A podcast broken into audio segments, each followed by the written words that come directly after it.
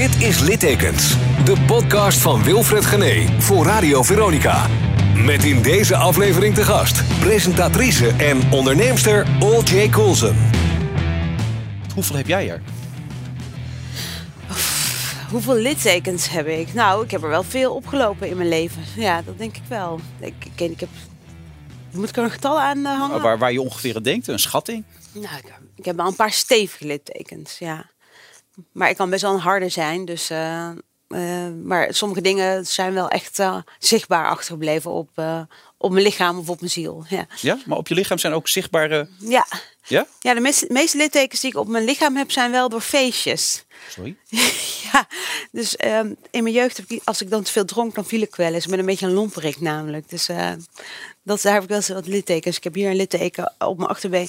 eh, dat ik ehm, op een tafel ging dansen ergens in het buitenland. En toen viel ik op die tafel met al dat glas. Dus daar best een grote litteken van.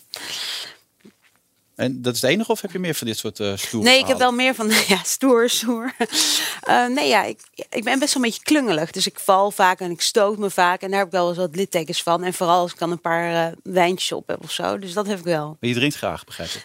Nou, steeds minder graag moet ik zeggen. Want het is wel iets wat erin sluipt. Dus ik ben wel nu een bewuste drinker. Dus ik probeer echt alleen maar het weekend te drinken. Want ik ben wel iemand die gewoon graag een wijntje drinkt met eten. En voor je het weet doe je dat iedere dag. En daar heb ik dan weer een schuldgevoel over. Dus ik heb besloten om meer bewust te drinken. In plaats van altijd maar mee te gaan in de gezelligheid. En waarom ben je zo bewust geworden dan? Ja, omdat ik wel vind dat het iets is wat snel uit de hand kan lopen. Dus dat je gewoon dat het zo in je gewoonte sluipt dat je iedere dag eh, aan het drinken bent. En ik vind dat, ik, ik vind dat het vertroebelt ook een beetje je geest, vind ik. Heeft drank nooit voor jou ook een, een soort slechte connotatie gehad door je verleden eigenlijk? Mm, nou ja, door mijn vader bedoel Ja. je? Ja, mijn vader was wel drankverslaafd, maar ehm, ik denk eerder dat de drugs. eh, ik zou nooit drugs proberen of zo, omdat ik dat heel eng vind. Mijn vader is gewoon echt heel heftig verslaafd. Dus eh, dat, dat, daar heb ik wel een angst voor altijd. Ja. Zijn we dan gelijk bij het grootste litteken? Als je toch over veel littekens praat? Of? Mm, ja, nee, dan denk ik wel dat we bij het grootste litteken zijn. Ehm, Wil je dat ja. nu al aan of zeg je, ga er even omheen eerst. Probeer het even een beetje op te bouwen met me. Oh nee, ja, nee, ik, eh, ik weet niet. eh, wat jij, het is jouw show, hè? Dus, eh. Nee, maar omdat ik, ik zie nu gelijk al dat er iets gebeurt met je namelijk. Als, je- Ja, nee, ja, nou ja, mijn vader is natuurlijk wel een beetje de rode draad uit mijn onrustige verleden. Dus daar heb ik al, eh, ja, dat is wel het grootste litteken. Ja, ik zou liegen als ik zou zeggen dat het niet zo is. ja, hoe gaat het nu met hem? Niet goed. ehm, ja, mijn vader die is eigenlijk eh, sinds dat ik 18 ben, eh, leeft hij al in, in instellingen. En hij is zwaar schizofreen. Eh, alleen door de wijziging van de zorgwet in 2015 is hij op straat komen te staan. terwijl hij dus echt intensieve hulp nodig heeft. Waardoor hij heroïneverslaafd is geraakt. Dus het is ja, het is echt al een heel eh, lastige situatie. En hij eh, leeft nu in een, eh, ja, in een RIBW-omgeving, een soort van GGZ-instantie. Maar daar krijgt hij dus niet de juiste medische hulp. Dus je ziet hem echt gewoon achteruit gaan dagelijks. En dat is best wel moeilijk, vind ik. Zie je hem vaak dan? Ehm, ja, ik heb nu met mijn zussen samen hebben we een soort van rolerend systeem waar, waar we mini- minimaal één keer per week langs gaan. en ja, ik zie hem wel één of twee keer per maand zeker. Ja. En dan eh, maak ik zijn eh, kamer schoon, want het is altijd een bende, weet je wel. Er wordt gewoon niet naar hem omgekeken. En dat vind ik wel pijnlijk. Dat is Nederland, zeg je ook dan hè, op zo'n moment. Dat het niet beter kan in een land als dit is best gek, toch? Ja, ik heb daar best wel, eh, naar mijn idee, eh, actie voor ondernomen. Maar er wordt, weet je, wat pijnlijk is aan deze situatie is, en, eh, is dat er duizenden Nederlanders in deze situatie zitten. En, en dat zou je niet verwachten bij een land zoals Nederland. Het voelt bijna een soort van ontwikkelingshulp of zo. Ja. Als je die mensen allemaal ziet die aan hun lot worden overgelaten. en ehm, daar wordt gewoon allemaal, zo moet zeggen, zoveel druk op families gelegd. Die gewoon niet de, de kennis hebben om iemand die psychoses heeft te verzorgen. En dan, ik heb een gesprek gehad met de burgemeester Wouw. Ik zei, ja, dan, eh, moet, dan moet er toch misschien meer beroep worden gedaan op mantelzorg. Maar ja, ik weet niet of jij wel eens te maken hebt gehad met iemand die zwaar schizofreen is. Ja, dat, kan je niet een familie eh, op aanspreken om daar te voor zorgen. Dat gaat gewoon echt niet. Zeker niet met het verleden wat je met hem hebt. Je, je bent niet meer boos op hem, hè? Nee, nee, ik heb mijn vader wel echt eh, zeker vergeven. Sterker nog, eigenlijk, ehm, ik heb altijd ons gezien als een slachtoffer gezien van zijn gewelddadigheid. Maar nu op volwassen leeftijd zie ik ook heel duidelijk dat hij ook een slachtoffer was. Die niet de juiste hulp kreeg. Ik bedoel, in zijn familie was het taboe om geestelijk ziek te zijn. Dus hij is daar ook het slachtoffer van Maar geworden. het was wel erfelijk, want ook zijn moeder en ook Ja, en, de en moeder daarvan. Ja. en al die generaties dat dus altijd heel erg ontkend. Ik bedoel, zij werden gelabeld als de dorpsgek, weet je wel. En, en dat vind ik pijnlijk, dat je opgroeit in zo'n onveilige situatie, een onveilige omgeving, dat je familie dus niet ziet dat je gewoon eh, hulpbehoevend bent. Ja, precies. Da- en daarin denk ik, ja, is het zo geëscaleerd omdat iedereen ook gewoon letterlijk omdraaide en niet eh, dacht van nee, we moeten die man ook gewoon de medische hulp geven die hij no- nodig heeft. Maar tegelijkertijd, jullie woonden met acht mensen totaal volgens mij. Hè? In een gezin Ehm, ja, in Waalwijk. ja. In een eensgezinswoning waar het niet fijn was. Laat ik het zo stellen, toch? Je hebt er wel eens wat over verteld. Het was Nee. eigenlijk hel op aarde. Ja, nee, dat was echt een grote hel. En ik heb de afgelopen maanden ben ik natuurlijk wel ook weer in mijn eigen verleden gedoken, eh, omdat ik een programma heb gemaakt over huiselijk geweld. Ja, en eh, ik ben onder andere naar de jeugdzorg gegaan om mijn jeugdzorgdossier op te halen. Ja, en er staan zulke verschrikkelijke dingen in. En dan denk je bij mezelf, als al die instanties dit allemaal wisten en ze waren slim genoeg om dit allemaal te noteren in een dossier, waarom is er dan nooit echt ingegrepen? En dat, dat vind ik ook wel eh, bizar. Ja, dat was eigenlijk dagelijks geweld. Zeker Ja. richting je moeder, maar ook richting jullie. Ja, nou ja, wij vielen eigenlijk, zo moet zeggen, wij probeerden mijn moeder te redden uit de situatie en daardoor vielen er klappen. Het geweld was nooit heel erg op ons gericht. Het is niet zo dat mijn vader binnenkwam en dan op een van de kinderen begon in te slaan. Dat was niet zo. Alleen ja, ik bedoel, eh, er was wel heel extreem geweld, ja. Ja. Ja. Maar het was soms zo dat jouw moeder in het ziekenhuis terecht kwam. De Ja. politie kwam langs en hij dacht dan vaak dat jullie de politie weer gebeld hadden. En daar werd hij ook weer boos over, toch? Dat, Mm, Ja. Ja, even nadenken hoor. Mm. Nou ja, wij, wij belden eigenlijk nooit de politie. Het waren altijd de buren die de politie belden. Maar als, als de politie er was, dan werd hij daarna wel weer extreem gewelddadig. Het was gewoon eigenlijk een vicieuze cirkel en niemand eh, kon dat doorbreken. Eh, en dat is ook twintig jaar lang doorgaan. En dat is natuurlijk wel veel te lang. En in, in, eh, als ik ernaar terugkijk, denk ik, volgens mij als, als een gezin in die situatie, in ieder geval dat extreme geweld wat er bij ons plaatsvond, ik zou toch hopen dat vandaag de dag dat daar gewoon eh, wel actie genomen zou maar worden. je maakt nu zo'n programma, dan Ja. zie je dat waarschijnlijk ook. Gebeurt Ja. er nu al wat? Gebeurt er in Nederland wat? Eh, ja, het is veel beter geregeld. Eh, dat zeggen ook alle instanties waar ik ben geweest om hierover te spreken. En er is nu een soort van wel een protocol of een proces waar een gezin in komt. Weet je wel, er wordt meteen wel hulpverlening ingezet. Maar wat zo moeilijk is aan huiselijk geweld, en dat ik, dat maakt het zo complex, is dat. ehm, er is natuurlijk ook altijd heel veel liefde in zo'n gezin en angst in zo'n gezin. Dus mensen, bijvoorbeeld mijn moeder was heel bang dat haar gezin, gezin uit elkaar zou vallen, dat, haar kinderen uit huis geplaatst zouden worden. Ehm, en dat zie ik nog steeds wel. Weet je, er zijn nog steeds vrouwen die gewoon eh, 50, 60 keer mishandeld worden voordat ze echt een instantie inschakelen. En als er dan kleine kinderen bij betrokken zijn, dan zou je toch denken dat het kwaad wel geschied is. Weet je wel? Dat er al zulke extreme dingen gebeurd zijn op zo'n jonge leeftijd bij kinderen, dat ik me afvraag. Kunnen die kinderen ooit een echt normaal leven daarna krijgen? Als je zo ontworteld bent, al zo onveilig bent op zo'n jonge leeftijd. Ik kan zelf het antwoord geven. Kan dat? Kun je een normaal leven leiden? Ja, ik, ja, dat denk ik wel. Alleen ehm, wat ik ook geleerd heb, ik was best wel hard. Dus ik altijd, je moet niet zeiken, want je moet gewoon je rug rechten. En als je dingen je overkomen, dan moet je daar gewoon overheen stappen. En deal with it, weet je wel. Ga gewoon weer aan de slag. Ga niet in die slachtofferrol zitten. En eh, ik ik moet wel eerlijk zeggen dat ik dat kortzichtig van mezelf vind. Als ik er nu op terugkijk, denk ik, weet je wel, een kind kiest ook niet zijn karakter uit. Ehm, sommige kinderen zijn gewoon extreem gevoelig en gaan ook heel anders met die soort emoties om. Dus je kan niet zeggen dat het altijd goed komt. Het ligt ook gewoon heel erg aan het type kind. Maar hoe is dat met, de- met jouw zus en je broer gegaan? Ja, nou ja, ook heel anders. Ik bedoel, mijn oudste zus heeft gewoon wel, als het over littekens gaat, hele diepe littekens. Waar ze nog steeds dagelijks heel erg veel last van heeft. Ehm, en ik moet zeggen, toen ik opgroeide, dacht ik als ja, zit niet zo te zeiken. Het is allemaal gebeurd in het verleden, weet je wel. Laat het los en maak iets van je leven. Maar ja, als je dat emotioneel niet aan kan, ja, dan vind ik dat, daar kan, kan je niet over oordelen. Daar mag je ook niet over oordelen. Tegen haar zei je niet, kom op en stel je niet aan en ga door. Zei ik wel hoor. En daar heb ik ook later wel mijn excuses voor aangeboden. Omdat ik, ja, bij haar is dat allemaal gewoon zo ehm, heftig binnengekomen. En eh, zij was ook de oudste. En ik denk ook dat ieder kind in een gezin een andere rol speelt. Ja. En ik denk wel dat zij heel erg het gevoel heeft gehad dat zij het gezin niet kon redden. En als kind van 4, 5, 6 jaar mag je natuurlijk helemaal niet belast worden met dat soort emoties. Jij ontrok je er wel eens aan, dan voel je je ook Ja. schuldig voor Ja. over, hè? Ja.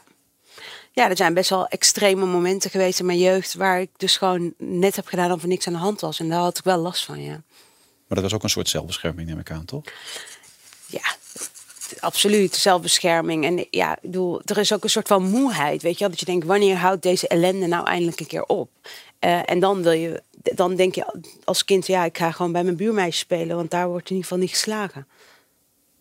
Maar hoe extreem is het dan? Want je vertelde ook dat hij waanbeelden had. Eén moment was hij een PKK-strijder. Mm. Dan zag je zichzelf als Jezus. Het was echt heel extreem, begrijp ik. Ja, het was heel extreem. En uh, ik denk wel dat dat extremer werd naarmate hij meer drugs uh, ging gebruiken en drank. Uh, um, en het feit dat hij geen medicijn had. Nou ja, het, het, het, hij heeft gewoon echt wel gewoon... ja, voor, nee, het ergste wat ik me kan herinneren wat er gebeurde... is dat hij mijn moeder neerstak waar wij bij waren. Um, en uh, dat zij niet naar het ziekenhuis mocht, omdat ze anders erachter zouden komen dat, uh, ja, dat mijn vader dus haar had neergestoken. Uh, en ze was zwanger, ook nog eens een keer. Dus het was best, ze, ze was volgens mij zes, zeven maanden zwanger. Um, ja, dat zijn wel dingen die je gewoon nooit meer vergeet als kind natuurlijk. Hoe ging dat verder dan? Ik probeer me iets bij voor te Nou ja, ik heb daar met mijn moeder over gesproken, want ik kan me dat niet meer zo goed herinneren. Um, ja, en mijn moeder zegt dat ze zichzelf verzorgd heeft en dat ze daar verder met niemand over gesproken heeft. Uh, en daar heeft jullie waren erbij toen dat gebeurde ook? Ja, wij waren daarbij, ja. Ja, ja maar ik, als kind, als ik naar school ging, was ik ook altijd heel angstig dat mijn moeder dood zou gaan. Dus ik wilde er eigenlijk ook bij zijn. Want ik dacht van, weet je, als ik weg ben en mijn zusjes zijn weg en mijn broer is weg, dan, uh, ja, dan kan het wel eens een keer zo zijn dat ik thuis kom en mijn moeder dood aantrof. En dat zijn wel herinneringen die ik me echt gewoon nog heel goed, dat weet ik echt nog goed, die angst die ik had. En als ik dan thuis kwam en het was zover, dan kon ik ook wel gek genoeg de deur achter me dicht doen en terug naar school gaan. Omdat van, ach, het is alweer zover, weet je wel. Ja. Je krijgt er rillingen van, merk ik. Maar hoe is het voor jezelf om dit nog te... Ja, nou ja, ik moet zeggen dat ik um, in de serie die ik heb gemaakt... Ik wilde deze serie maken, niet voor mezelf. Want ik vind dat ik er redelijk goed uit ben gekomen. Ja. Um, natuurlijk heb ik wel littekens aan overgehouden. Maar wat ik heel pijnlijk vind en wat ik eigenlijk onacceptabel vind... is dat er nog steeds gewoon honderdduizenden mensen in deze situatie zitten. En dat er zoveel kinderen betrokken zijn bij huiselijk geweld. En ik vind gewoon wel dat we in een land leven... waar we veel bewuster moeten omgaan daarmee. Weet je, ik bedoel... Iedereen schaamt zich daarvoor, maar ik vind juist laten we het gewoon met elkaar bespreken. Want ik ben er wel echt van overtuigd dat praten is de eerste stap naar gewoon uh, uit die situatie komen en, uh, en hulp vragen. En wat ik raar vind is dat ik woonde gewoon in een rijtjeshuis. Uh, weet je wel, waar waren de buren? Was er dan niemand die zich echt bekommerde, behalve dan het feit dat ze bang waren? En dat begrijp ik, want je bent angstig als het gebeurt. Maar hoe gaat het nou echt met je? Of kan ik je ergens mee helpen? Ja, dat kost natuurlijk niks om dat te vragen aan nee. mensen. En ik merk gewoon dat er nog zo'n taboe rust op het hele onderwerp. En dat wil ik wel doorbreken. Ik wil me daar ook echt wel voor inzetten naast deze serie. Om gewoon te kijken, hè, hoe kunnen we nou gewoon iets meer... Weet je, we zijn toch ook wel verantwoordelijk naar elkaar toe... om gewoon te kijken, hoe gaat het nou met je? En kan ik je ergens mee helpen? Maar jij kwam op school, je werd uitgelachen. Je had vaak geen brood bij, je had geen eten ja. bij je. Dan keek je ja. in de kantine of er nog iets voor je was.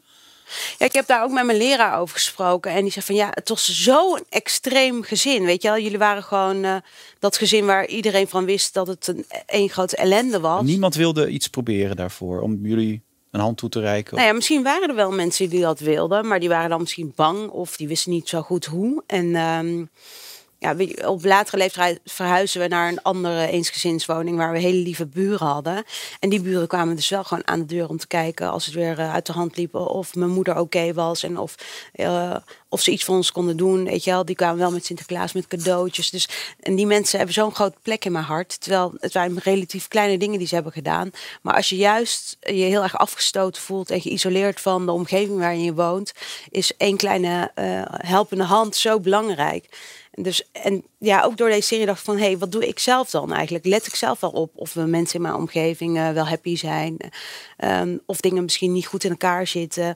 Dus ja, bij mijzelf creëerde het ook extra bewustzijn. Dat ja. ik van, ja, moet ik niet vragen aan die vriendin waarvan ik weet dat ze al best wel lang in een gekke relatie zitten, of ik er ergens mee kan helpen.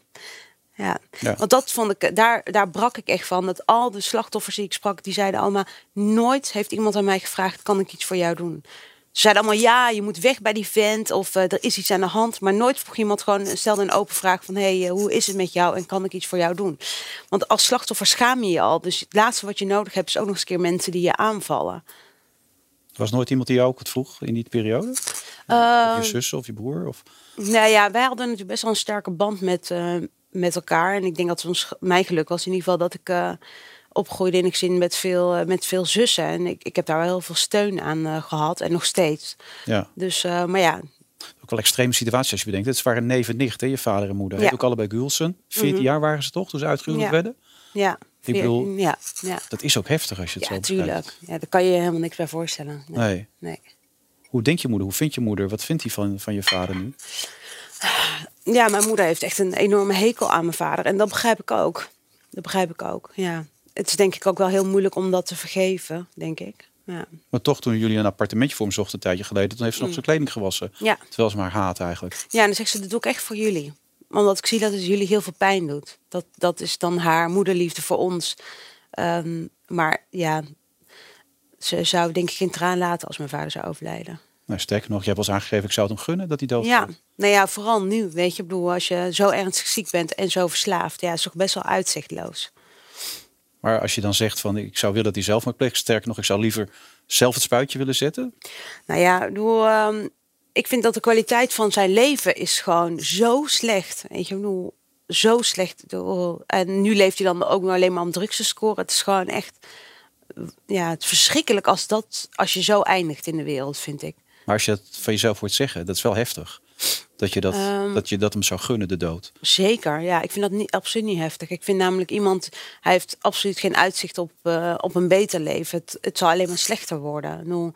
Eh, hij weegt 3, 44 kilo. Dat is echt verschrikkelijk om naar te kijken gewoon. En het enige waar hij mee bezig is, is met drugs nu. Terwijl ehm, tot 2015 ging het eigenlijk best wel, was, was zijn situatie best wel stabiel. En ik, ja, ik vind dat wel heel eh, onacceptabel bijna dat dat zo afgegleden is voor hem. Ik zou hem wel gunnen dat hij gewoon eh, rust zou hebben. En nou heeft hij absoluut geen rust. Nee. Nee. Maar euthanasie in zo'n situatie zeg je van dat zou moeten kunnen. Hij is natuurlijk wilsonbekwaam, neem ik aan. Ja, zelf hij niet- is wils om elkaar ontoerekeningsvatbaar. Ja, bedoel, nee, dat is gewoon een eh, uit, zo, uit, bijna uitzichtloos lijden gewoon. Ja, bedoel, als hij 80 wordt, dan moet hij nog eh 25 jaar in deze situatie door. Nu denk ik dat dat niet gaat, omdat ik denk wel dat dat lichaam aan het opraken is. Alleen het kan dus wel zo zijn, ja. Ik vraag me af wie je daar nou een plezier mee doet. Hem zeker niet. Nee, Nee. Terwijl er ook mooie kanten aan hem waren, zei je toch? Nee, zeker. Maar bedoel, hij is nu zo ver weg van de man Ja. die hij ooit was. En daar zaten natuurlijk al scherpe randjes aan. Maar ja, het is nu gewoon echt een hoopje ellende. Beschrijf je het nou omdat je het al zo vaak hebt verteld? Of kan je het nog be- beleven ook als je... het- Nee, ik beleef het zeker wel hoor. Ja. Het is ook niet iets wat ik het soort van geautomatiseerd vertel. Helemaal niet. Nee. Maar ik kan me ook voorstellen dat je dat ook een beetje nodig hebt om jezelf te kunnen Ehm, wapenen tegen zoveel verdriet en zoveel intensiteit die je is overkomen. Nou ja, ik moet zeggen dat erover praten he- helpt wel hoor. Ik bedoel, ik, ook in de serie heb ik er echt uitvoerig met mijn zussen over gesproken. En dan ja, is het altijd heel emotioneel. En dan moeten we altijd wel daarom huilen. Alleen, eh, ehm, ik, vond, ik vind het gewoon belangrijk om dit te vertellen. Omdat het wat mij betreft veel groter is dan wat ik heb meegemaakt. Het is gewoon een heel groot maatschappelijk probleem. Het is de grootste vorm van geweld. En ik heb jou volgens mij twee jaar geleden gesproken eh, toen, we toen ik je sidekick was bij, eh, bij de Friday eh, Move. Bij BNR, Ja, bij BNR. En toen wilde ik deze serie heel graag maken. En het gaat eigenlijk, kijk, tuurlijk gaat het ook om mijn verhaal. Maar ik zou het heel fijn vinden als er een gezin is in Nederland. wa- wat misschien door, het, door deze serie denkt: hé, hey, ik heb te maken met huiselijk geweld. Ik wil hier uitstappen voor mijn kinderen of voor mezelf. Weet je, dat zou ik al heel mooi vinden. Ja. De super bitch die uiteindelijk een knuffelbeer bleek te zijn. Ben ik een super bitch. Nee, dat was toch de, de, de, de koppen die je las Oh. toen jij op een Mag ik gegeven nog een moment... koffietje of eh, ben ik nou lastig? Nee hoor, er kan vast een koffie gegeven Ja. worden. Maar dat is toch wat jij zei, wat er Ja. over jou gezegd werd toen je uiteindelijk aan de Wie is de Molles meedeed. Oh, ja, ja. Opeens zagen ze de andere kant van Oltje Gulsen, toch? Ja. ja, nee, dat klopt inderdaad. Van super bitch. Nou ja, dat, volgens mij was dat een krantenkop zelfs. Ja. ja. Nou, ik denk dat ik nooit een super bitch ben geweest. Maar Maar de beeldvorming zorgt vaak voor dingen in het leven. Heeft je dat eigenlijk pijn gedaan door de jaren heen, dat dat beeld zo van je Ehm, bestond? Nee, ik denk namelijk dat als ik gewoon naar mezelf keek, had ik misschien mezelf ook wel een, een super bitch gevonden. Oh, wat? Ja. Waarom? ja, omdat natuurlijk het zijn een beetje korte flarden van dingen die mensen meekrijgen uit de media of televisieoptredens die kort zijn en die vaak dan echt specifiek over zaken doen gaan of iets anders. Ik denk dat je dan zo beperkt deel van jezelf laat zien. Waardoor, en als je dat dan gaat opstapelen, dan krijg je misschien het idee dat iemand hard is en gevoelloos. En bij een vrouw is dat denk ik sowieso sneller zo. Dat een vrouw die, ehm, die heel zelfverzekerd is, of ze dat nou speelt of niet. Ik denk dat ik dat heel. Die er ook goed uitziet. Ja, ik denk dat ik in heel veel gevallen dat ook speelde. Die zelfverzekerde vrouw. Als je daar het idee hebt dat je daar niet doorheen kan eh, komen, dat je die dan een label geeft van bitch. Dat denk ik wel, ja. Want het was eigenlijk een minderwaardigheidscomplex vertel je vaak. Ja, zeker. Ja. ja, ik denk dat ik heel erg heb gestreden om uh, te bewijzen dat, dat ik niet was waar ik vandaan kwam. Terwijl nu vandaag de dag denk ik, ja, eh, ik moet juist trots zijn dat ik ben wie ik ben, juist door waar ik vandaan kom. Uh, en dat is toch wel een hele andere emotie. Maar kun je het voelen ook? Ja, ik voel dat wel, ja. Hoe merk je dat dan? Ja, ik, ik merk dat ik helemaal niet meer aan het jagen ben naar, naar uh, succes om uh, identiteit, zou ik zeggen, ja, te waarborgen. Om je mogen zijn, zeg. Ja, precies. Ik denk, ja, al word ik nooit meer succesvol in mijn leven, al is dit het, het maakt helemaal niks uit. Weet je, het zegt helemaal niet, niks over wie ik ben. Oh, het is succesvol zijn. Nee, maar dat, dat was natuurlijk mijn grootste drijfveer. Ik wilde heel graag succesvol zijn om aan iedereen te laten zien. Ja, ik kwam misschien uit dat gekke gezin uit Waalwijk waar we niks vreten hadden en waar het alleen maar geweld was. We waren een soort van uh, de zwarte schapen van, uh, van, van, de, van, van die omgeving. En ik denk als je je zo um, achtergesteld voelt, dan krijg je een minderwaardigheidscomplex. En mijn reactie was, ik ga even laten zien uh, dat ik dat ik een, een superster kan zijn, bij wijze van Ja. Heb je ook zo gevoeld een tijd? Nee hoor, nee, nooit. nee, ik moet zeggen, het gekke is dat uh, toen, het, um, toen ik daar was, naar mijn idee, uh, toen voelde ik me ongelukkiger dan ooit. Dus dat... Nou, succes is een gevangenis, heb je ja. al gezegd. Ja. Kijk, er komt een nieuwe koffie binnen. Oh, heerlijk. Kijk, het is gewoon live allemaal. Kijk, ik vind het dus ook goed dat je weet dat ik suiker gebruik. Daarom heb je die ook bij je. Zit er al in. Oh nee, echt? Ja, er zit al suiker in. Bizar. Ja, die gasten zijn zo goed. Ja, jullie ja. hebben echt uh, een goed ja. team hier. Ja, Veronica littekens, het is ongelooflijk allemaal wat hier gebeurt. Mm. Maar het is nooit zo geweest dat je dat gevoel had op een gegeven moment toen je al die bedrijven had, al die zaken had. Ja. Dat, dat, nee, toen dat dacht ik wel van, uh, kijk, nou, kijk mij nou, ze heb ik toch allemaal geflikt. Ja, Ja. dat had ik wel. Um, maar ik ging me er niet beter door voelen. Ik voelde me dus, ik had nog wel echt wel iets, uh, ja, ik, ik moest nog wel gewoon uh, wat, uh, wat ellende verwerken, denk ik. Vind je jezelf nu leuk? Uh, ja, ik vind mezelf wel leuk en lief, ja. ja. En oprecht, ja. Vind je het stom? Dat, ik nou, zeg? komt er niet helemaal overtuigend uit nog. Je, je moet er even over nadenken. Je twijfelt een beetje. Of, of voel je het wel echt zo? Nee, ik voel het wel echt zo. Jawel. Jawel, alleen ik moet niet doorslaan nadat ik dan weer te soft word. Want daar heeft ook niemand wat aan. Hoezo niet? Nou, gewoon omdat ik denk, ja, weet je, ik bedoel... Het zijn ook wel gewoon eigenschappen en competenties van mezelf die ik wel moet waarderen. En die gewoon mij wel verder helpen. Ja, nou, je hebt ook in de Playboy wel eens gezegd: ik heb veel gebluft en gelogen. Je moet jezelf een beetje onderscheiden. Je moet een beetje opvallen ook. Ja, nou ja, uh, toch denk ik meer gebluft dan gelogen. Maar ja, en dat kan ik nog steeds hoor. Als het moet, dan, uh, ja, dan, dan doe ik dat wel, ja. Wat zijn de momenten dat je dat moet doen? Uh, ja, die kan ik, kan ik even niet terughalen. Daar heb ik nu op dit moment Nee, helemaal niet mee te maken. Denk ik dat het bijna niet meer hoeft op dit moment, toch? Nee. Nee, maar stel je voor als je mij morgen zou droppen in New York en ik zou van scratch moeten beginnen, dan ga ik weer bluffen. Ja. ja er zit dan toch in het aard van het beestje, denk ik. En dat kan je goed nog steeds. Nou, dat, ik denk dat als de um, situatie daarom vraagt, dat ik dat wel kan, ja. Maar ik denk dat heel veel mensen dat kunnen. Ja, ik denk dat jij dat ook heel goed kan. Denk je dat? Ja, dat weet ik zeker. Zeker, ja. Ja, ik, ik denk dat wij qua die competenties niet veel van elkaar schelen. Als ik dan zie hoe je om prijzen loopt te smeken. En ze binnenhalen. Weet ik, nou dan denk ik missie geslaagd. Hou dan op met dat gezeik daarover. Hij heeft het wel voor elkaar gekregen, zo denk ik dan. Ja. Dus daar zou ik hetzelfde in zijn. Nou, zou ik het tegen die vriend van jou zeggen als jou was. Nee, maar hij heeft wel in de basis gelijk, weet je wel? Weet. In de basis heeft hij wel gelijk van, ja, ik heb ook altijd heel veel behoefte gehad aan erkenning in mijn leven. Maar erkenning moet je krijgen, daar moet je niet om vragen.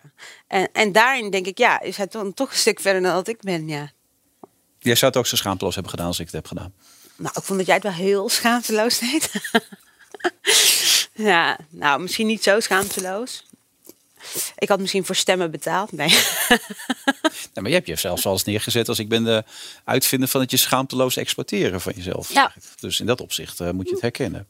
Zeker, maar ik denk wel dat um, als je kijkt naar uh, hoe uh, zou ik zeggen, personality marketing vandaag in elkaar zit. Ik denk wel dat ik een van de eerste was die dat durfde te doen. Maar Ja. vandaag de dag doet iedereen het, toch? Ja. Maar 15 jaar geleden was het best wel een soort van not done als je zo met jezelf te koop liep. Ja, ik denk dat wel. Daar heb je ook geen spijt van. Nee, zeker niet. Nee. nee. Heb je spijt van dingen uit die periode als je erover nadenkt? Ja, ik heb spijt dat ik niet eerder ben gestopt, want ik was al heel lang ongelukkig. Daar ook spijt Je van. hebt twee jaar lang zitten huilen thuis. Ja, elke daarom. dag. Ja, dat vind ik echt niet de moeite waard. Dus niks, dat, dat zou ik niet meer laten gebeuren. Waar huilde je om eigenlijk? Weet je dat nog? Ja, nee, ik had gewoon een burn-out, denk ik. Eh, nou ja, dat weet ik eigenlijk wel zeker. Eh, en ik zat gewoon met heel veel vragen. En ik, ik nam niet de tijd, tenminste, ik gunde mezelf niet de tijd om gewoon eh, rust te nemen. Om iets dichter bij mezelf te komen, waardoor ik ging jagen. En ja, ik had gewoon een heel gejaagd gevoel, eh, continu. En normale mensen trekken dan even de stekker eruit. Maar ik vond dat ik dat niet kon maken. Weet je, ik bedoel... ehm, terwijl ik denk, ja, je hebt eigenlijk aan het einde van de dag maar met één iemand te maken. En dat ben je zelf. En je moet zorgen dat je zelf goed in je vel zit. En, eh, en dat je gelukkig bent. En, en dat gunde ik mezelf jarenlang niet. En dat, 18 uur per dag werken, begreep ik, en steeds Ja. slapen. En ondertussen alleen maar huilen. Als je thuis nou ja, als ik thuis kwam, eh, ja, ja. En blikjes Unox knakworst eten. Ja, het is gewoon te armoedig, verschrikkelijk leven, toch? Ja. En voor de buitenkant was ik best wel een gevierde vrouw. Dus was best wel een grote kloof tussen hoe mijn, hoe mijn leven echt was. En eh, ja, het masker wat ik opzette als ik naar buiten ging. En, en dat wil ik nooit meer. Weet je, ik bedoel, al- als het niet goed met me gaat, mogen mensen dat ook weten. En eh, ja, misschien heet het ook wel volwassen worden, denk je niet? Ja, Ja, nou, nu bijna 40. Dan. ja daarom. Ja, lekker toch? Ja, ik vind het prima. Ja. Ja. ja. En spijt van beslissingen die je hebt genomen? Dat faillissement, het heeft, het heeft je een litteken opgeleverd, heb je gezegd. Letterlijk zelfs. Ja, nou. Nee, nee, ik zie het nu eigenlijk niet meer echt als een litteken. Ik zie het gewoon als Nee? heel veel lessen, ja. Ja, ik denk dat het heel veel lessen zijn, waardevolle lessen eh, met een hoge prijs. Maar ja, dat is vaak met lessen zo. Ja. Ja, je zei ook te lang doorgegaan, daar heb je ook fout in gemaakt. Opeens nog externe financiers. Toen had het ik, al, ja, had ik het al lang moeten afstoten, ja. Ja, Ja, maar aan de andere kant denk ik, ja, ik bedoel, als ik dat niet zo ver had doorgezet, dan had ik misschien ook niet die lessen geleerd die ik uiteindelijk heb geleerd. Ik denk namelijk wel echt dat je van dingen niet goed gaan veel meer leert dan, eh, dan dingen die wel goed gaan. ja. En, en ehm, het gaf me denk ik ook wel een heel duidelijk beeld van mijn eigen kracht en mijn eigen zwakte. En ja, die les had ik denk ik anders. En wat is jouw zwakte dan? Ehm, ik denk dat ik gewoon veel meer een creatieve ondernemer ben. En dat ik helemaal niet gemaakt ben om eh, groepen mensen aan te sturen dagelijks. En eh, te zorgen dat iedereen naar die stip op de horizon gaat. Ik denk dat ik gewoon wat solistischer moet werken. Ja. En dat ik daar ook gelukkig van word. Dat, dat kan heel veel ruis in mijn omgeving moet wegsnijden. Ja. En zakelijk, ben je goed dan? Financiën, dat soort zaken? Want 13 miljoen schuld is behoorlijke schuld natuurlijk die je opbouwt dan met zo'n bedrijf. Ehm, zeker, zeker. En vooral in de korte periode waarin die is opgebouwd. Ja. Ja. ja. nee, dat denk ik ook niet. Nee, ik denk dat ik eh, en ik denk dat ik daar heel veel mensen op de verkeerde plek had zitten. Ja. Dat lag aan die mensen, niet aan jou. Nee, zeker niet. In de basis nam ik de beslissingen, dus Ja. het lag wel aan mij. Maar ik denk wel dat als je hele sterke mensen, ik had denk ik heel veel mensen die met mij meegingen. Eh, en ik had misschien wel moeten durven om mensen aan te nemen die gewoon zeiden van, hé, hey, Olje, eh, nu moet je even je mond houden. had ja-knikkers om je heen. Ja, maar misschien maakte ik ook wel ja-knikkers van die sterke mensen. Dat kan natuurlijk ook. Ja. Je zit nu in de mediawereld, dan zie je het ook veel gebeuren. Ja. Dan zie je, zie je zelf terug, dan, als je dan ziet hoe mensen dan eh, hier zijn. Dus dat jij dan even de baas bent en al die mensen eromheen. eh, Hoe bedoel je dat? Nou ja, is het een herkenning? Dus dat jij zelf ook zo'n situatie had gecreëerd, zoals je ook vaak in de mediawereld ziet. Namelijk dat jij de baas bent en allemaal mensen om je heen hebt die je eigenlijk niet aan durven spreken. Heb je nu over John de Mol? Ik zeg gewoon hoe de mediawereld in elkaar zit. Ik zeg niet alleen John de Mol, ik zie het bij veel, veel organisaties toch? Dat je een sterk iemand hebt waar allerlei mensen omheen zitten. Nou, ik vind niet heel veel sterke mensen in de media werken. Nee? Nee, vind je dat wel? Ik ben interviewer in deze. Ja, nou, maar dan mag je ook wel een, een, een vraag Nou, beantwoorden, ik, toch? ik, ik denk dat dat wel meevalt inderdaad. Ja, ik denk Ja. dat dat misschien wel het probleem is. Dat het een eh, industrie is die misschien op dat vlak nog niet heel erg goed ontwikkeld is. Het is nog heel veel op basis van emotie, vind ik. eh. en het moet, ook wel, maak een product voor een consument. Maar Het is ook geen afspiegeling van de maatschappij, heb je wel eens gezegd. Hè? Ik bedoel, Jan Dino noemde jij een excuusneger. heb ik dat ooit gezegd? Heb jij Oh, is dat zo? Ja. Wanneer heb ik dat gezegd? Ik kan het voor je opzoeken. Ik heb het ergens in mijn... Ik heb natuurlijk al alles weer voorbereid. Dus ik kwam in een interview Oh, tegen. nou, dat kan ik me helemaal niet herinneren. Ik vind Jan Dino een aardige vent. Ja, nee, maar je gaf me aan dat ook de tv-wereld niet direct een afspiegeling is Oh, van, dat bedoelde van de je. maatschappij, weet je Oh, wel. En dat er... Nee, tuurlijk, maar dat is ook zo. De tv televisiewereld is toch vrijwel blank. Vind ik. Ja, Zo, in die hoedanigheid noemde ik hem een excuus. Ja, zo ja. het, ja. Oké. Ja, nee, dat vind ik nog steeds. Ja, zeker. Ja, ik bedoel, als er iemand gezocht wordt, eh, dan moet hij opeens per se buitenland zijn. Dat is toch ook heel raar? Dan denk ik, ja, de, ik laat gewoon de beste persoon voor de job die job nemen. Maar het kan me niet voorstellen dat het altijd per se blanke mannen zijn. Eh, Je werd destijds bij Boulevard ook behoorlijk aangepakt door je Mhm. collega's over, over het faillissement enzovoort. Er werden allerlei dingen bij gehaald. Eh, maar ik begrijp dat je daar eigenlijk niks over kan en wil zeggen op dit moment, toch? Eh, nee, maar dat heb ik Tenminste, over de inhoud van het faillissement zelf. Nee, klopt. En het komt omdat er een lopend onderzoek is door de curator. Die nog, en zijn onderzoek is niet afgerond. En ik heb met hem afgesproken dat zowel hij als ik er niet over spreken in de media. En dat we daarin samen optrekken. En eh, nou ja, hij zal daar zelf een verklaring over eh, maken later in het stadion. En ik wil er zelf niet, niets over zeggen, omdat ik vind... ehm, er zijn heel veel dingen gezegd die niet waar zijn. En ik, het lijkt mij fijn als het ontkracht wordt door een, eh, een man die bezig is met het dossier. In plaats Ja. van door mezelf. Maar je kent me natuurlijk, eigenlijk wil ik er alles van weten. Ja, dan gaan we ook doen na, de, na deze podcast. Want deze podcast gaat over littekens. En aangezien dat faillissement geen litteken voor mij is, wil ik het graag hebben over andere zaken die wel een litteken zijn. Oké, maar er komt uiteindelijk een duidelijkheid over. Ja. En dan kom je er nog een keer op terug. Nou ja, dan hoop ik eigenlijk dat de verklaring eh, voor zichzelf spreekt. Dat, dat, dat ik er niet meer op terug hoef te komen. Ja, Oké. Maar die droom die je ooit had, om je wilde eigen, eigen hotel met een hoofdkantoor erin. ja. Is dat weg nee, nu? die is echt weg. Ja, Ja? Ja. ja. ik Wat- vond wat- dat echt een ego-droom namelijk. Ja. En wat droom je nu van dan? Eh, van het leven wat ik leid. Ja, Dat is goed. ja. Je bent gelukkig. ja ik ben gewoon gelukkig. Ja. Ja. In de liefde ook. ja, ook in de liefde. Ja, Terwijl je over het mannen hebt wel zeggen, ja, mannen heb je niet zoveel aan. Vrouwen zijn veel sterker. vind ik ook. Ja, Vind nog ik steeds. steeds ja. Ja? ja. Ook nu je Ruud kent. Ja, Ruud is heel sterk. Ik denk wel dat wij heel gelijkwaardig zijn. Alleen in de basis vind ik wel de meeste vrouwen sterker dan mannen, ja. En waar komt dat door, denk je? Ja, door mijn vrouwengezin, denk ik, waar ik uitkom. Ja. Ja. Dat vrouwengezin, er stond een wekkertje in dat gezin. Mhm. Mag ik dat vragen of niet? Dat verhaal? niet. Volgens mij is dat verhaal bekend hoor. Dus, Ja. ja. ja. Maar omdat, dat kan me ook voorstellen dat het een litteken is. Want voor hetzelfde geld was je er dus niet geweest. Toch? ja. Nee, dat dat, gek dat idee. ja, nee, dat is wel een gek idee. Maar ja, aan de andere kant denk ik ehm, dat er ook altijd een reden is waarom die dingen dan niet gebeuren. Dus ik zie mezelf liever als de reden dat het wel zo is Ja. dan niet. Ja. En nu wordt het heel cryptisch. Mag ik het kort omschrijven? Dan gaan we gewoon door, oké? Er stond een wekkertje. Als het was afgegaan, was je moeder naar de abortuskliniek gegaan. Ja. En die had jou laten weghalen. Ja. Maar het wekkertje ging niet af. Ja. En daarom is ze niet gegaan. En dat wekkertje stond jaren daarna nog steeds bij jullie in huis. Ja. Dat stond symbool voor eigenlijk iets dat ze vergeten was. Maar je was er daardoor nog. De tijd heeft jou ergens als het ware Gered. Ja. gered eigenlijk. Ja. ja. Maar dat Ja. besef je dus nooit, begrijp ik. Dat is. Jawel, dat besef ik zeker wel. Nou ja, dat is iets waar je bij stilstaat eh dagelijks. Bedoel, het, het is heel gek natuurlijk dat het zo is. eh. Ehm, ja, en eh, bij bij een interview vroeg iemand aan mij, ja, had de wereld dan iets gemist? Ja, misschien ook niet, ja. Misschien ook niet. Nee, ja, ik bedoel, als ik er niet was geweest, was ik er niet geweest. Weet je, ik, bedoel, het- ik denk dat de wetenschap dat je er misschien niet bent erger is dan dat je er wel of niet bent, toch? Ja. Ja. Voel je een getekend mens? Als je dan, want je zegt aan het begin, ik heb er best veel. Voel je jezelf als, zie je jezelf als een getekend mens? Nee, ik vind mezelf wel een opgewekt mens die midden in het leven staat, ja. En En je begon wel met het feit dat je veel littekens hebt. Ja. En dat je dat klaarblijkelijk ook wel voelt dan zo nu en dan. Nou ja, dit programma heet littekens. Als we er dan, ja, ik hoef niet heel diep te graven voor littekens. Ik kan me ook voorstellen dat sommige mensen met denken, oh ja, toen ging mijn kat dood of zo, weet je wel. Ja. Niet om dat te bagatelliseren, maar ja, ik heb wel wat duidelijkere littekens opgelopen in mijn leven. Maar kun je er nog vertrouwen op mensen? Kun je nog geloven in mensen? Zeker, ja.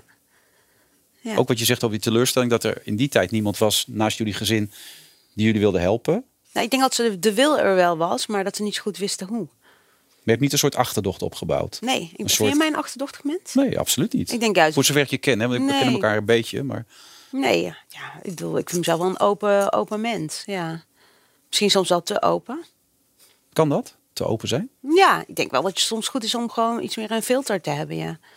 Om gewoon na te denken voordat je dingen zegt en benoemt. Ja. Zoals dat met dat wekkertje heb je eigenlijk achteraf spijt van, merk ik. ja, ik heb er heel veel spijt van, omdat het mijn moeder heel erg heeft gekwetst. Ja, Omdat je moeder eigenlijk gewoon een lief warm mens is die ook. heel maar- lief, ja. Ja. Ja, Dus ja. kon ze nu nog gemeen zijn? Eigenlijk meer vanuit een soort onmacht waarschijnlijk Ja. ook. ja of door, Dat ze zoiets tegen je zei dan. Ja, en door ellende en frustratie. Ik denk wel dat als, als een mens heel veel eh, shit over zich heen krijgt, dat je niet altijd de beste kant van iemand ziet. Je hebt ook al zo over kinderen gezegd. Ik zou aan één kant kinderen willen, omdat ze dan centraal komen te staan. En dan hoeft het niet meer om mij te draaien. Is dat nog steeds zoals je het voelt? Ehm, nee, zo is ja. Ik, zo voel ik het eigenlijk niet meer, omdat ik eh, het idee heb dat, ehm, dat dingen die ik aan het doen ben eigenlijk weinig met mij te maken hebben op dit moment. En dat vind ik prettig. Ja. Echt waar? Ja, bedoel, in de serie, daar gaat het wel over mij, maar het onderwerp vond ik heel belangrijk. En ik denk bij mezelf, ik heb best wel relatief veel tv gemaakt wat nergens over ging.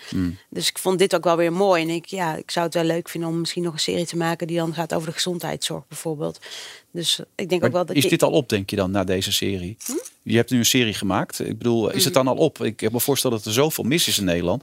dat je daar meerdere series over moet en zou kunnen Ja, maken. dat denk ik ook wel. Ja, ik bedoel, huiselijk geweld is ook zo'n breed onderwerp. Ik bedoel, je kan dat echt niet in één serie vangen. Weet je, ik bedoel, eh, dus helaas is er ook heel veel kindermishandeling bijvoorbeeld. Weet. Dus, maar sommige dingen zijn ook heel pijnlijk. Weet je, dat, eh, ik weet niet of dat. eh, ik heb wel het idee dat ik daar iets meer afstand van moet zou kunnen nemen om daar echt in te duiken. En ik vond dat in deze serie wel heel moeilijk. Nam je, je nam het mee naar huis. Je had Ja, heel- ja, ja, ja, ja. Ook als je die rapporten leest van jezelf, neem ik aan. ja. Dan beleef je het opnieuw gewoon. Ja, dan zit je gewoon weer in die situatie. Ja. ja. En dan moet je er ook wel met mensen over praten, neem ik aan. Eh, ja, nou ja, dat, dat ging eigenlijk wel een beetje vanzelf, weet je wel. Kijk, als je in zo'n gezin opgroeit, dan denk je altijd... ehm, dit gebeurt nergens anders, weet je wel. Wij zijn wat dat betreft alleen op de wereld. eh, en eh, in onze omgeving, niemand leeft in die ellende, denk je dan. En wat ik bizar vind, is dat iedereen dus wist hoe, hoe heftig die ellende was. En dat er niet echt werd ingegrepen. Ehm, en nu op latere leeftijd weet ik dat in iedere straat een gezin is. Of iedere wijk een gezin is wat te maken heeft met kindermishandeling. Zoveel, Met- ja? ja, het gaat om bizarre getallen, ja. ja. Echt, echt elke straat, meen je dat nou? Ze zeggen dat in iedere klas zit één kind wat te maken heeft met huiselijk geweld. Iedere zes minuten komt er een melding binnen van huiselijk geweld. Dat is veel. En wordt daar veel mee gedaan ook? Eh, ehm, ja, ik heb wel het idee dat een gezin nu sneller wordt opgenomen in een hulptraject. Dat denk ik wel, ja, dan dat het eh 25, 30 jaar geleden was. Ehm, en ze hebben nu ook gewoon veel meer instanties die ze echt gewoon niet alleen maar met de slachtoffer eh, bemoeien, maar ook kijken naar, naar een pleger en een pleger eh, helpen. Want ja, het is niet zo zwart-wit. Ik denk dat er vroeger veel zwart-wit naar gekeken werd. Jij was de dader en ik was het slachtoffer. En jij moest dan zo ver mogelijk bij mij uit de buurt blijven. Ik heb wel het idee dat ze nu ook meer inzoomen. Van Wat zijn nou jouw beweegredenen en wat zit daaronder? En hoe kunnen we jou ook helpen zodat je beter met je woede leert omgaan? En dat vind ik wel heel goed dat dat er zo is. Ik vind het namelijk helemaal niet nodig. Je hebt er helemaal niks aan om iemand eh, een label op te plakken en te zeggen van jij bent slechterik. Nee.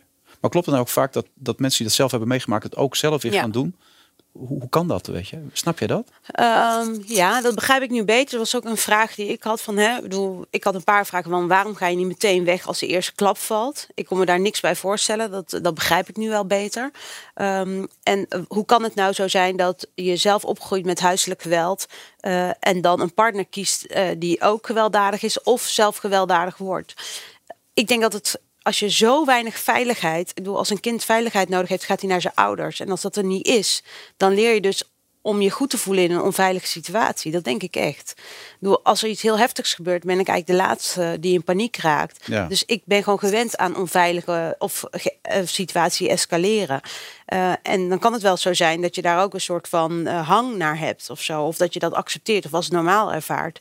Dus ik denk dat dat misschien de reden is waarom die mensen die uit zo'n soort omgeving komen, weer vaak in zo'n omgeving terechtkomen.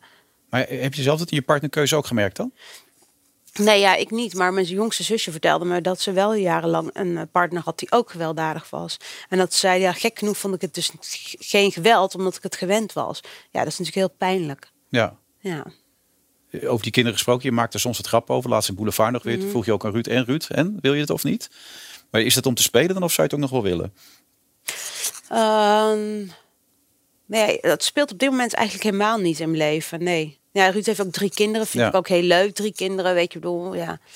Maar zie het ook niet als een belasting tegelijkertijd? Want Ja. er ligt er wel een erfenis in je. Ja. Ook misschien nog wel met het, met het eh, erfelijke van Mhm. de schizofrenie. Dat lijkt me wel pittig ook dan. Of is dat helemaal niet een ding dat er mij eens komt kijken? Ja, volgens mij is alles een ding. Ja, ja dat denk ik wel. Maar tegelijkertijd zei je ook iets. eh, Het, jongetje dat alles goed moest maken is een boek van Ischa Meijer. Mhm. Dat zou ook het gevoel kunnen zijn, toch? Dat je het ook nog een keer opnieuw wil doen om. Ja, het zou zo kunnen. Maar ik bedoel, ik ben bijna 40. Ik vind het ook wel een hoofdstuk wat een keer afgesloten moet zijn. Weet je? Oh ja? Ja, Zo werkt dat. Ja, weet je, Ja. laten we er ook een beetje gewoon normaal naar kijken. Bedoel, eh, Je kan niet tot het einde van de tijd daarover twijfelen. En ja, ik heb die keuze nooit echt gemaakt. Er zal wel een reden voor zijn. Ja, dan moet je misschien denk ik ook gewoon dat boek Je schrijven. ging drie keer breinen trouwen, zeg je er ook altijd. Ja, en dat heeft, daarom. dat heeft ook een reden gehad. Ja, dus ik ben wel misschien gewoon een twijfel komt. En dan ja, soms eh, helpt de tijdje daarin. Hè? Ja, Dat vind je wel lekker ook als ik het zo hoor. dat denk ik wel, ja. Ja? ja.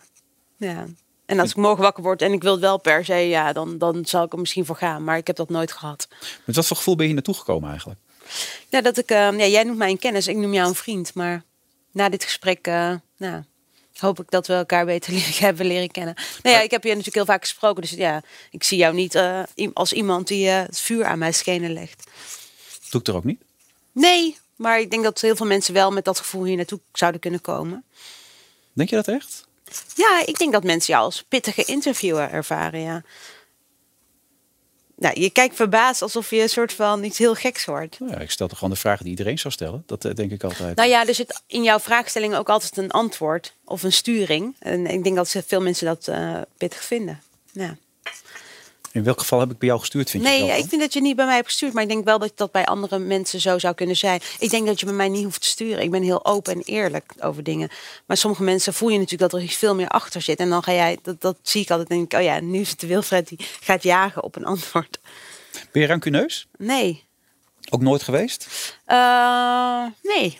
Ik kan me niet herinneren dat ik ooit eh, uit rancune iets heb gedaan. Ik kan wel heel erg teleurgesteld zijn in dingen, ja. Maar zoals de situatie met Boulevard, daar was je echt teleurgesteld over, kan ik Ja. me herinneren. Maar ik stond er wel weer een week later. Ja. Ja, met opgeheven hoofd. Maar ik heb, Maar wel- heb je de mensen erop aangesproken? Ja. Die persoonlijk, ook buiten de uitzending om? Zeker, ja. En? Ja, dan krijg je allemaal, ja, ik was er niet bij en ik heb, niemand was er dan bij, weet je wel. Niemand heeft die beslissing dan genomen om het op die manier te doen, ja. Ah, Dat vind ik gewoon teleurstellend, ja.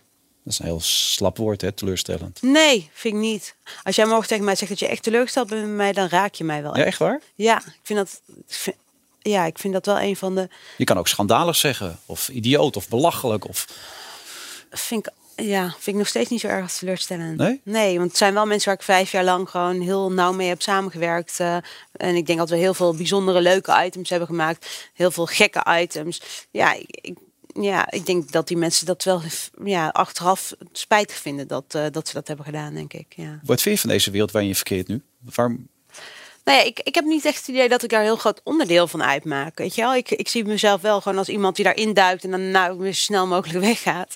Ja, ik zie het wel als werk en ik zou het niet echt. eh, ik, ik reken ook geen eh BN'ers tot mijn eh, vriendenkring. Maar ik zo. zie je wel op Instagram altijd reageren op allerlei mensen die boodschappen zetten. Waarom doe je dat? Oh, dat vind ik wel leuk. Ik ben wel een Instagram eh, sociaal diertje. Ja? Ja. Maar dat kun je toch veel beter een persoonlijk app, sms'je of een appje sturen naar iemand? Nee, want het zijn niet mijn vrienden. Nee. Nee? Nee. Vind je niet dat je dan zo meehuilt in het bos met de, met de wolven, zeg maar? Van, Wanneer heb ik meegehaald dan? nou ja, als het dan weer, ik zag het de laatste tijd bij, bij, bij het Leontien, volgens mij bij Monique enzovoort. Dan zet je allemaal dingetjes onder, sterkte oh ja. en dat soort dingen maar dat allemaal. vind ik ook belangrijk. Weet je, ik vind het ook altijd heel maar je lief. kent ze, dus dan stuur je toch gewoon een apart eh, sms'je even naar ze. Eh, doe ik ook wel. Ja? Dat doe ik ook wel, ja. Ja, dat doe ik ook wel. Het, het, vind je niet dat het een beetje zoiets heeft? Kijk, ons bekende Nederlanders elkaar een beetje... Nou, ik doe het ook bij onbekende mensen, maar dat valt je dan niet op, denk ik. Ja. Nee, dat meen ik. Ja. Wat lach je dan? Ja, ik vind ik, het gaat me even op. Maar het is, gaat, ik, ik, kan er helemaal niets mee. Ik word heel ongemakkelijk van als ik dat zie. Maar dat is mijn beleving. Ja, nee, ja, ik, ik hoor dat vaker van mensen. Dat ze zeggen van, ja, weet je, ik, ik vind dat stom dat iedereen alles op social media zet. Ja, ik denk, deal with dit. Het is gewoon het leven waar we in zitten. Als jij morgen iets wil verkopen, kijk maar hoe snel jij, hoeveel jij gaat posten op Instagram. Want dat is wel een manier om heel veel mensen te bereiken, ja. Dus ik snap wel dat iemand zegt, ja, ik ga niet mijn nieuws via de Telegraaf of eh, via Wilfred verspreiden. Ik zet het gewoon op mijn eigen account en dan heb ik ook invloed op wat er geschreven wordt. Ik vind dat eigenlijk wel goed. Ik vind dat mensen daardoor iets meer het heft in eigen hand kunnen nemen. Vind je niet? Ja, ja, ik, ik- ja het, is mijn ding, het is niet mijn ding. Dat zal het dan liggen. Maar ik zal voortaan oppassen met huilpopjes en har- gebroken hartjes Nee, posten. Maakt het je iets uit wat mensen van je vinden dan? Wat jij van mij vindt niet, nee. Nee, maar in het algemeen ook. Jawel, tuurlijk wel. We hebben hier heel vaak gesprekken over gehad aan Nou de ja, telefoon. het- Dat we het allebei moeilijk vinden als mensen oordelen hebben. Nee, ik vind het over het algemeen niet zo erg dat mensen iets van mij vinden, zolang ze me niet kennen. Dat ik, ik, ik- Nou, ik kan me een ander gesprek herinneren wat ik met jou heb gehad. Waarin je zei dat je het onbegrijpelijk vindt dat mensen de gevoelige kant van jou niet zien. nee, dat, nee, dat gaat om het feit dat mensen jou kennen. Dat ze dan de kant van jou niet kennen die er ook bij is. Daar gaat het me veel meer om. Ging het over mensen die jou kenden? Ja. Ik dacht dat het over mensen in het algemeen... Nee, want ik kan me heel goed voorstellen dat mensen die mij niet kennen totaal niet weten wie ik ben. En dat wil ik graag zo houden ook. Maar het gaat nu weer over mij, het gaat over jou. Het ging over het feit Nou, dat volgens jou... mij heb ik dit hele gesprek eh, gewoon aardig laten ondervragen, Wilfred. Ja, nee, maar het is niet de bedoeling dat je het over gaat nemen, dit gesprek. Want het is eh, littekens van jou. Nee, maar de essentie is nog steeds Mm. dat jij ook verbaasd was over het feit dat zoveel mensen konden denken dat jij dom was. Dat verbaasde je ook. Je kwam veel slimmer over in Wie is de Mol. En jij kon je niet voorstellen dat mensen een bepaald beeld van je hadden. Dat- En Ja, daar, hebben we het, daar hebben we het over gehad. Ja, Ja, nee, dit, ik vind dat ook gek, omdat ik, ik heb niet zo'n heel duidelijk oordeel over mensen die ik niet ken. Toen ging het wat mij betreft over mensen die je niet kennen. Want mensen die mij kennen hebben, denk ik niet dat oordeel. nee. Nee, maar het ging over, en daar gaat het nu steeds over. Nu wordt er spraakverwarring. Daar ging Ja. het bij mij dus ook over. De essentie is nog steeds, vind je het nu nog belangrijk? Je bent nu bijna 40, Mhm. je gaat dit programma maken. Het op een zender die best lastig is. Dat weet je zelf ook. Dit zou eigenlijk op de publieke omroep moeten. Ja, Of op RTL 4. ja, nou, ik denk eerder op de publieke omroep. Maar... Nee, maar RTL 4 zou ook misschien nog wel kunnen. Familiezender, het is wel een serieus onderwerp, maar volgens mij... Ja, ik had het liefst voor NPO gemaakt. Ja, Ja, en NPO had het ook willen maken. Dus maar... ja, ik zit bij Talpa. Ja. Ja, maar als dat nou niet Ja. goed bekeken wordt en, en de, Oh ja, dat vind ik erg. Maar dan kan ik, dat vind ik niet erg voor mijn eigen ego. Maar dan denk ik, jezus mensen, dit is zo'n belangrijk maatschappelijk onderwerp. ja, Ik bedoel, dat zou ik, ik zou het jammer vinden voor, eh, voor het onderwerp en voor de bewustwording, weet je wel, dat. Maar ja, of ik dat dan als een nederlaag zou ervaren, ja, nee. Ik bedoel, dat zou ik niet doen. Ik, dan ben ik nog steeds heel trots op wat ik heb gemaakt. Ja, misschien ben ik met tv maken minder streberig of zo, omdat ik misschien niet helemaal uit die wereld kom. maar ook minder streberig omdat je gezien hebt dat al het streberig zijn je niets opgeleverd heeft. Bedoel, keihard gewerkt, uiteindelijk een faillissement. Ja. Ik bedoel, eh, je bent eh, echt burn-out gehad eh, door de drain, weet je wel. Ja. Het heeft je niet gebracht waar je wilde komen. Of toch wel? Nou, vind ik, nee, ja, ik, ik zie dat is iets heel anders hoor. Nee, maar ik vraag het aan je. Heeft het je gebracht waar je wilde komen? Eh, we hadden het toch over mijn kijkcijfers? Ja, ik wil je aangeven dat jij iets eh, minder streberig nu bent. Ja. Dat was je eerst wel. Heeft dat streberig zijn je wel er iets gebracht? Nee, ik denk dat het je ook wel impulsief maakt. En, eh, en misschien soms ook gewoon in een tunnel zet. Waar je niet altijd de beste beslissingen maakt. Dus nee, het heeft me niet. Ja, kom op. Het is bij mij wel duidelijk dat het me niet heeft gebracht wat ik wilde, toch? Of wat ik voor ogen had. Alleen als. Je hebt een boek uitgebracht hoe je met lef uiteindelijk van niets naar eh, de top kan komen. Dus Ja, kan blijkbaar heeft dat je dat toch gebracht dan, de top. Daarna ben je misschien gevallen. ja, ja, ja. Ehm, wil je het nog hebben over de kijkcijfers of dat niet meer? Kom eens op. Oké. Eh, nee, ja, ik, ik denk wel dat hard werken en ergens voor gaan, dat het niet slecht voor je is. Dat het, dat het wel iets is wat, wat je ergens kan brengen. Dus ja. Maar vind je nou dat je nederlaag hebt geleden? Dat is dan mijn vraag. Oh, oké. Ja, Vind je dat je tuurlijk. hebt ja, ja, ik Ja? ben hartstikke op mijn bek gegaan, tuurlijk. Oh ja, zeker, ja. Hartstikke op mijn bek gegaan. Heel veel geleerd, eh, heel veel verdriet ervan gehad. maar geen litteken. Want dat Eh, zeg je zo net. Nee, ik denk dat ik het nu als lessen zie. Ik, ik denk niet dat als ik over 20 jaar terugkijk op mijn leven of 30 jaar, dat ik dit moment dan als een litteken zou eh, beschouwen. Nee, als heel veel wijze lessen, denk ik. Nee, littekens zijn denk ik als oh, dingen die, in je, die bij mij in mijn jeugd zijn gebeurd met mijn familie. En dat vind ik echt verdriet, weet je wel. Dat kan me echt littekens. Maar dat ik, eh, nee, zakelijk eh, de mist in ben gaan, dat ik op mijn bek ben gaan zakelijk. Ja, daar was ik zelf bij. Dat, vind- dat vind ik een ja, ik kan het niet zo goed uitleggen. Ja. Maar dat voelt niet als een litteken of zo. Was, was God er ook bij? Want dat heb je op je lichaam staan in het Koerdisch. Hè? Hm? Dat God bij je is. Was die er ook altijd bij? Of is die alleen erbij op het moment dat het nodig is? Je hebt toch in het Koerdisch heb je zo'n... Ja, ja. Ehm, nou, ik geloof wel in God, ja. Maar Allah dan, hè? Ik geloof wel gewoon in God.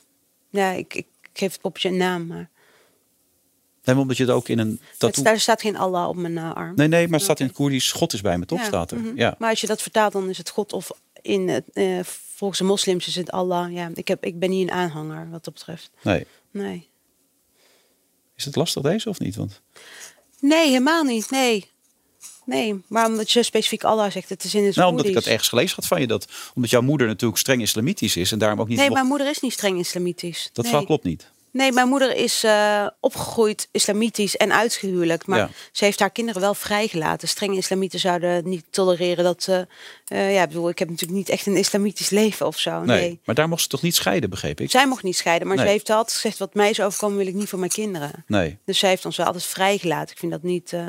ik heb mijn moeder ook nooit eh, betrapt eh, dat ze vijf keer per dag bidden of überhaupt bidden. Nee. Nee. of dat ze naar een moskee ging of zo, heb ik nooit gezien. Dus ik zou niet durven te zeggen dat ze streng islamitisch is. Het is wel opgevoed naar eh, islamitische maatstaven, denk ik. Vandaar dat ze uitgehuwelijkd is op jonge leeftijd. Dat paste allemaal in haar cultuur. Maar ze heeft ons niet zo opgevoed, nee. Wat wil je nog kwijt over die kijkcijfers? ja, nou ja, ik weet niet, je maakt zo'n gekke brug, maar dat is jouw interviewtactiek natuurlijk. Ja. Nee, nee, niks. Als eh. het slecht is, dan is het heel jammer voor het publiek, omdat het eigenlijk een heel belangrijke boodschap is. Ja, dat is wat vind je ik wilt wel zeggen. echt, ja. Ja. En dat het met jouw ego iets kan doen, dat, dat maakt je helemaal niet uit. Dat je nu die stap hebt gemaakt van RTL, de Talpa, en dat zou niet meteen scoren. Daar kan je helemaal buiten staan. Dat, dat kun je loslaten. Ja, ik- ja ik, ik vind mezelf echt niet een heel belangrijke televisiepersoonlijkheid, om eerlijk te zijn. Nee. Nee, ik denk dat niemand daarvan wakker zal En liggen. die ambitie heb je ook niet om dat te worden. Nee, ja, ik zou het leuk vinden om programma's te maken eh, waar ik een, een grote passie voor heb. Maar ik droom er echt niet van om van zo'n showtrap af te komen. Dat er een soort van heel publiek is wat mij dan Ja, adoreert. met het gevaar dat je valt natuurlijk, met je onhandigheid natuurlijk. Hè? Gebeurt ook, ja, Ja. precies. Maar dan wordt het nog een keer opnieuw gedaan. Want Ja. we leven in de televisiewereld. Daar is alles perfect. Nee, dat, die droom heb ik niet. Nee, maar ik zou het wel leuk vinden om televisie te maken... waar ik veel meer van mezelf kan laten zien. Weet je wel? Ik bedoel... ehm, ehm, en dat, dat is wat mij betreft deze serie eh, een soort van de eerste start. En, eh, ja, en als niemand daarnaar kijkt en Talpa wil mij niet meer een nieuw programma geven... ja, dan is dat zo. Ja, ik hoop dat ze veel van deze Olse Gulsen laten zien. Dat zou fijn zijn. ja die, niet die eh trut die achter de desk van show nu staat. Oké, Nou, ja, jij zegt het, maar ik moet plassen, Wilfred. Zijn we klaar? ja, nog één ding. Wat is je droom? Als je dan toch nog dromen mag hebben. Ehm, wat is mijn droom? Eh, nou ja, ik leef wel echt mijn droom, vind ik. Ja. Ik heb niet echt een ambitie om eh, nog een heel groot bedrijf uit de grond te stampen. Ik, eh, ik heb vorig jaar een eh, make-up lijn gelanceerd. Zou leuk, ik zou het leuk vinden al- als die zou verder ontwikkelen. Ja, als ik daar meer over zou, als meer over die branche zou kunnen leren. En ja, ik zou blij zijn als ik gewoon gezond blijf en doe wat ik doe. Ja. Eindig heel spannend. Vind je ook niet? Vind je niet, ja, wat is jouw droom? Ik, heb, ja, ik vind het ook zo Ik leef mijn droom. Jij leeft net zoals jij, Ja. ja. nee, maar dat meen ik. Ik, bedoel, ik vind ook wel. Ik heb ook wel geleerd dat er ehm, dat tevredenheid een groot goed is. Ik ben altijd heel erg ontevreden en gejaagd geweest. Ik denk, als je tevreden bent, dat je ook kan stilstaan en kan beseffen dat je al eh, in, op een plek bent die heel oké is. Ja, Dat je niet per se nog een paar stappen omhoog hoeft of eh, weet ik veel. ja. Je hebt trouwens voor het gesprek ook net geplast. Dus Ja, moet- ik heb een hele kleine blaas, eh, Wilfred. Oké. nou, dan stoppen we ermee. Vind ik geen interessante informatie voor deze, voor deze podcast overigens. Nee. Nee, ja, en na twee koffie en water ja, moet ik weer plassen. Ja. Hoe heet het programma exact? Olzee en huiselijk geweld. Oké. Gewoon wat het is. Oké, Wilfred, dankjewel hè. Jij ook bedankt, hè?